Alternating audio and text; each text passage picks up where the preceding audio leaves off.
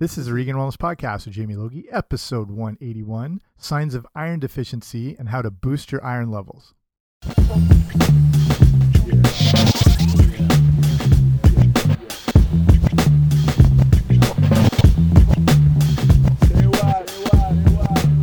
Hey guys, what's happening? Welcome back to the podcast. I'm Jamie Logie. I run regainedwellness.com, and this is the Regain Wellness Podcast of the same name. Thanks for coming on out. If you're new here, extra special welcome. Um, where have you been? I'm just kidding. The if you haven't already, make sure you subscribe to the show. That way, you get all the new episodes automatically sent to you wherever you like to get your podcast. And like I say, if you're new here, I've got a lot of previous shows you can start binge listening to, if that's a thing. Okay, so we're going to look at iron deficiency, the signs, everything, and what to do about it today. Okay, let's go.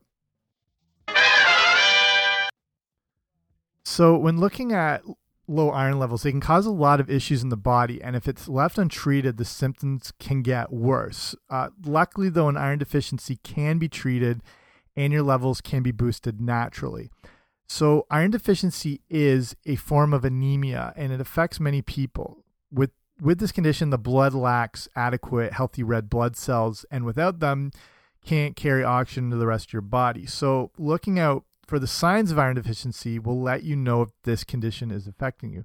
And obviously, it goes without saying uh, if this seems to be something that maybe is causing issues with you, you obviously want to check with your doctor, physician, and, and get an actual determination and diagnosis. But this is to just kind of give you the information and insights into, you know, what goes behind all of this. So without sufficient iron, your body can't produce enough of the substance that exists in red blood cells that lets them carry hemoglobin. And this hemoglobin carries oxygen throughout your body, which obviously every part of you requires. So this condition doesn't have to be a massive problem as supplement can, supplementation can help correct it.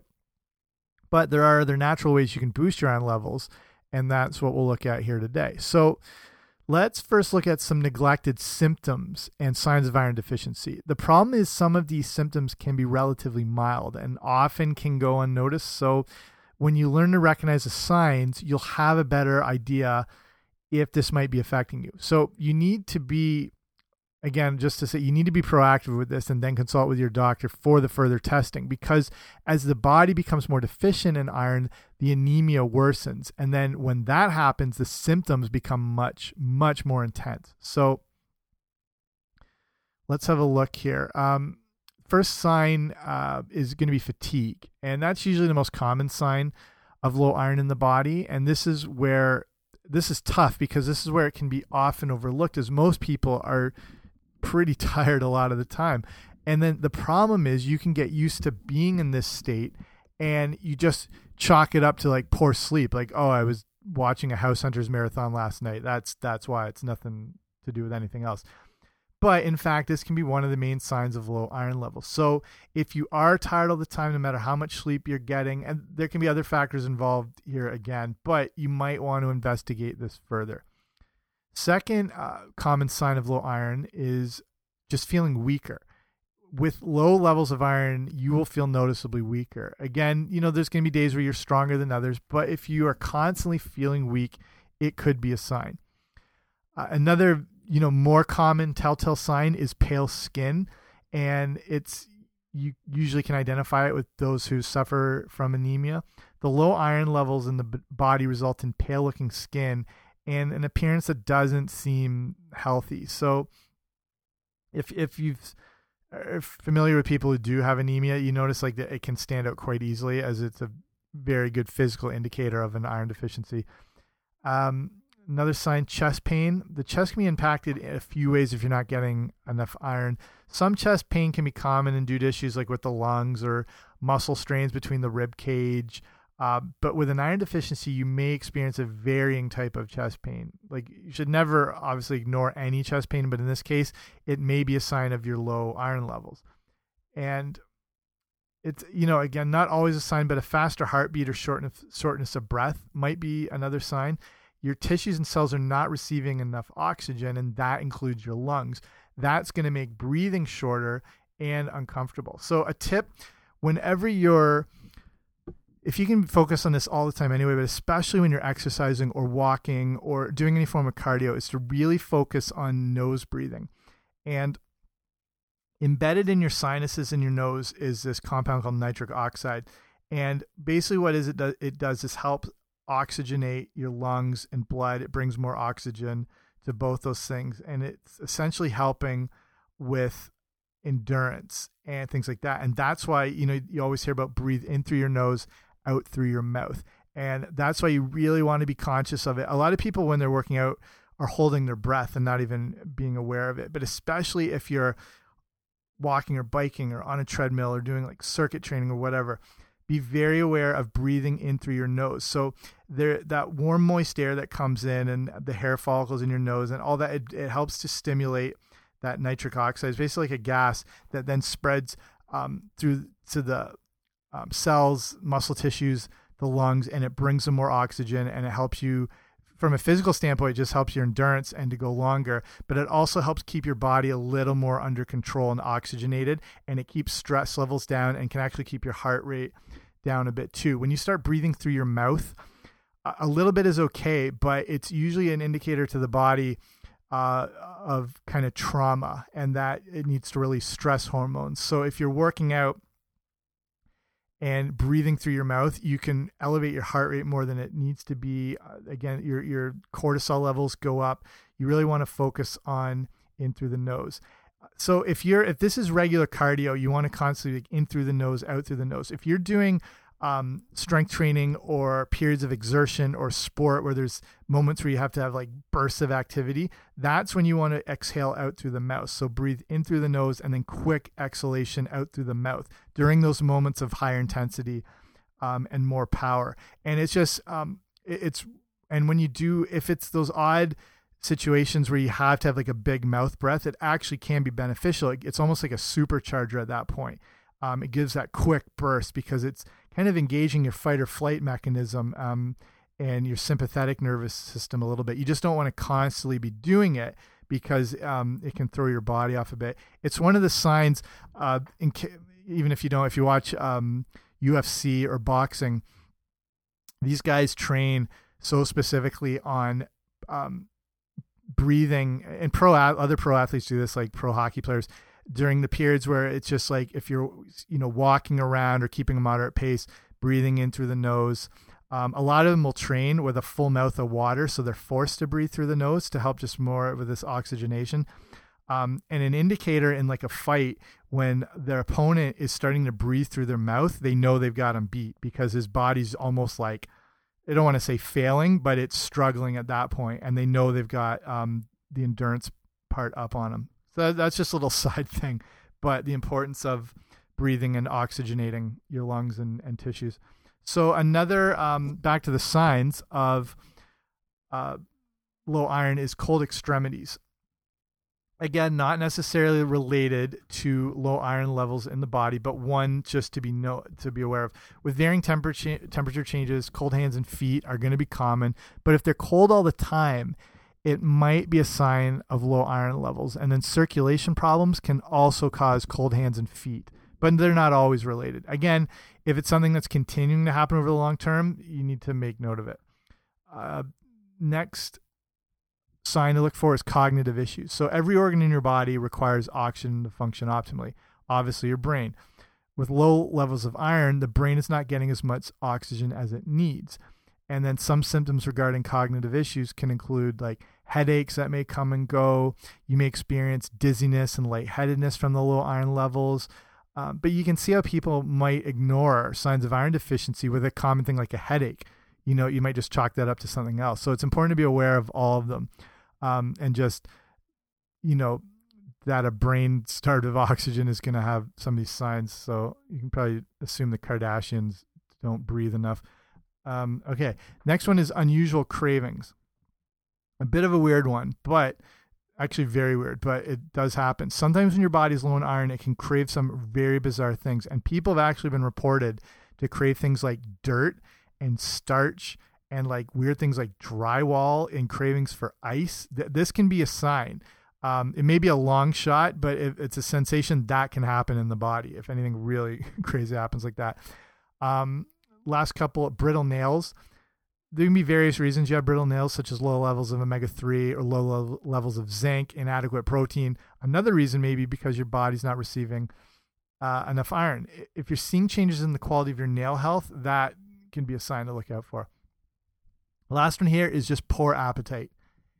If you struggle to finish meals or you're just not hungry in the first place, it shouldn't be ignored. A poor appetite because of low iron levels more likely to affect infants and children, but something to keep an eye on. If you don't find yourself hungry for long stretches of a time, like of time, it could be another symptom impacting you. So having, you know, been brought up to speed on some of these iron signs of iron deficiency, how do you make sure that this doesn't happen in the first place?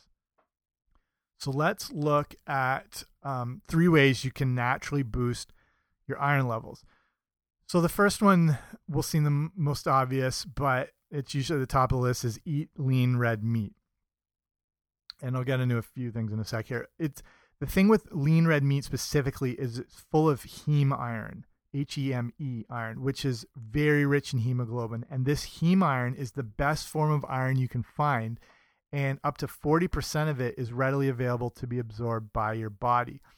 If you're consuming animal protein, you want to look for the cleanest sources possible. So, choosing pastured, grass fed, and grass finished beef, um, true organic animals, which will be much better for your health. They are free from hormones, antibiotics. They're eating a natural diet and they're full of natural omega 3 and CLA, it's conjugated linoleic acid which has been seen to increase um, levels of lean muscle mass, um, combats things like cancer. It's you get it in these animals when they uh, like they're consuming natural grasses and then they're converting it in their bodies, um, and then you're getting that from then. So some of the other top choices to get this heme iron: uh, pork, chicken, veal, um, fish like halibut, haddock, perch, salmon, and tuna, and then shellfish like clams oysters, and mussels. So, if you are um, vegan, vegetarian, you're avoiding animal products, there are some non animal sources of heme iron. So, you can still find a good form of it in some plant based foods. So, this is a non heme iron, which is not absorbed as efficiently as the regular heme iron, but is still it still can be beneficial. This is an easy form of iron to get and it's also added into a lot of various foods to fortify them further. So for the plant-based choices, the, those fortified things would be like fortified cereals, um, rice, wheat, oats. You'll you'll usually see it indicated um, on the packaging or whatever. Other top best plant-based sources are dark leafy greens, specifically like spinach, kale, Swiss chard. Um, the darker green, the better. Uh, you can find them. Uh, you can find this uh, non heme iron in dried raisins, apricots. You'll find them in, in beans, specifically lentils and soybeans. So load up on those, as well as tofu. Baked potatoes are a great form of it. Also cashews. So easy things that you can include in everyday um, diets, like what, however you're making everything. You can always like add things like lentils and soybeans in. You can snack on cashews and dried raisin. It's very very easy to to combine this all together. The next thing um, is to combine the right foods. So this is interesting. Not only do you need to eat the right foods to boost the iron levels, you also need to consume the right foods so that your body absorbs the iron properly. Um, this is a, a big issue here. Absorption is key because without it, if it's not adequate, you might be wasting a lot of this iron. So the big thing to start with is to make sure you absorb as much iron as possible, and that's to consume um, foods that are rich with vitamin C to ensure that this happens. This is especially important if you're not consuming animal products, as vitamin C will bind to that non heme iron and store it in a form that will be more easily absorbed by the body. So you'll want to consume these high vitamin C foods at the same time as the things that contain iron. And when we're looking at, um, you know, you can use a vitamin C supplement.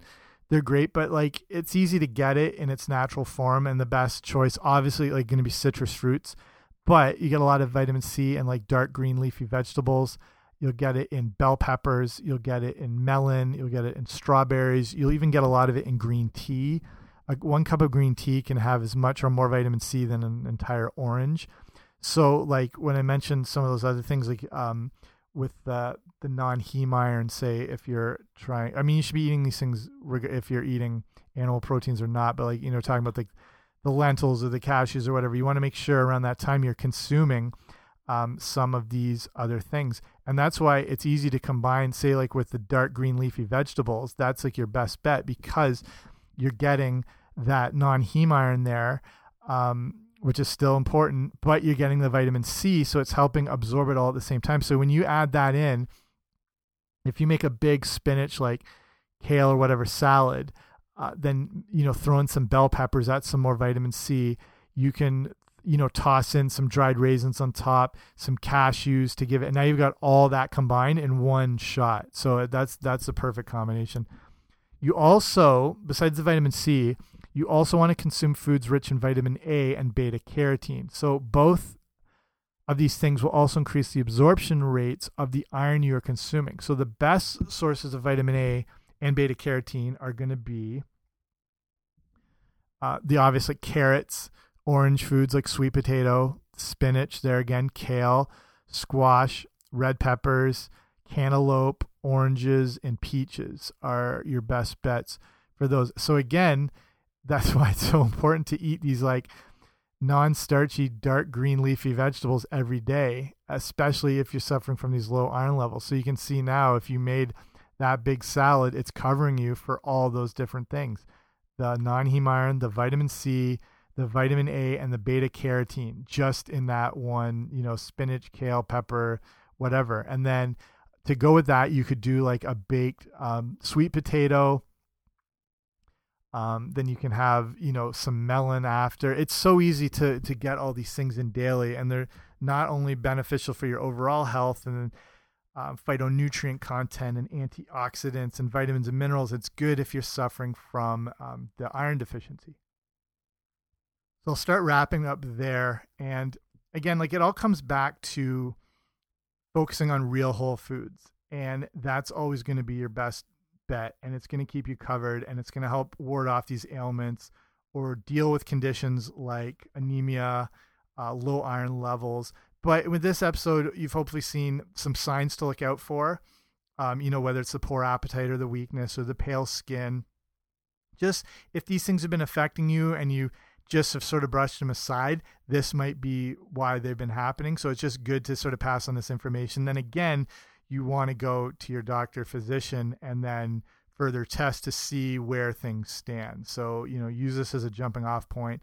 Um, but hopefully, at the very least, it encourages you to get more of those specific real whole foods that I mentioned in here to, um, you know, allow your body to function optimally and at its best and to prevent a lot of these things. A lot of people can be, again, are suffering from anemia and not even know it. They have these low iron levels and they're not even sure.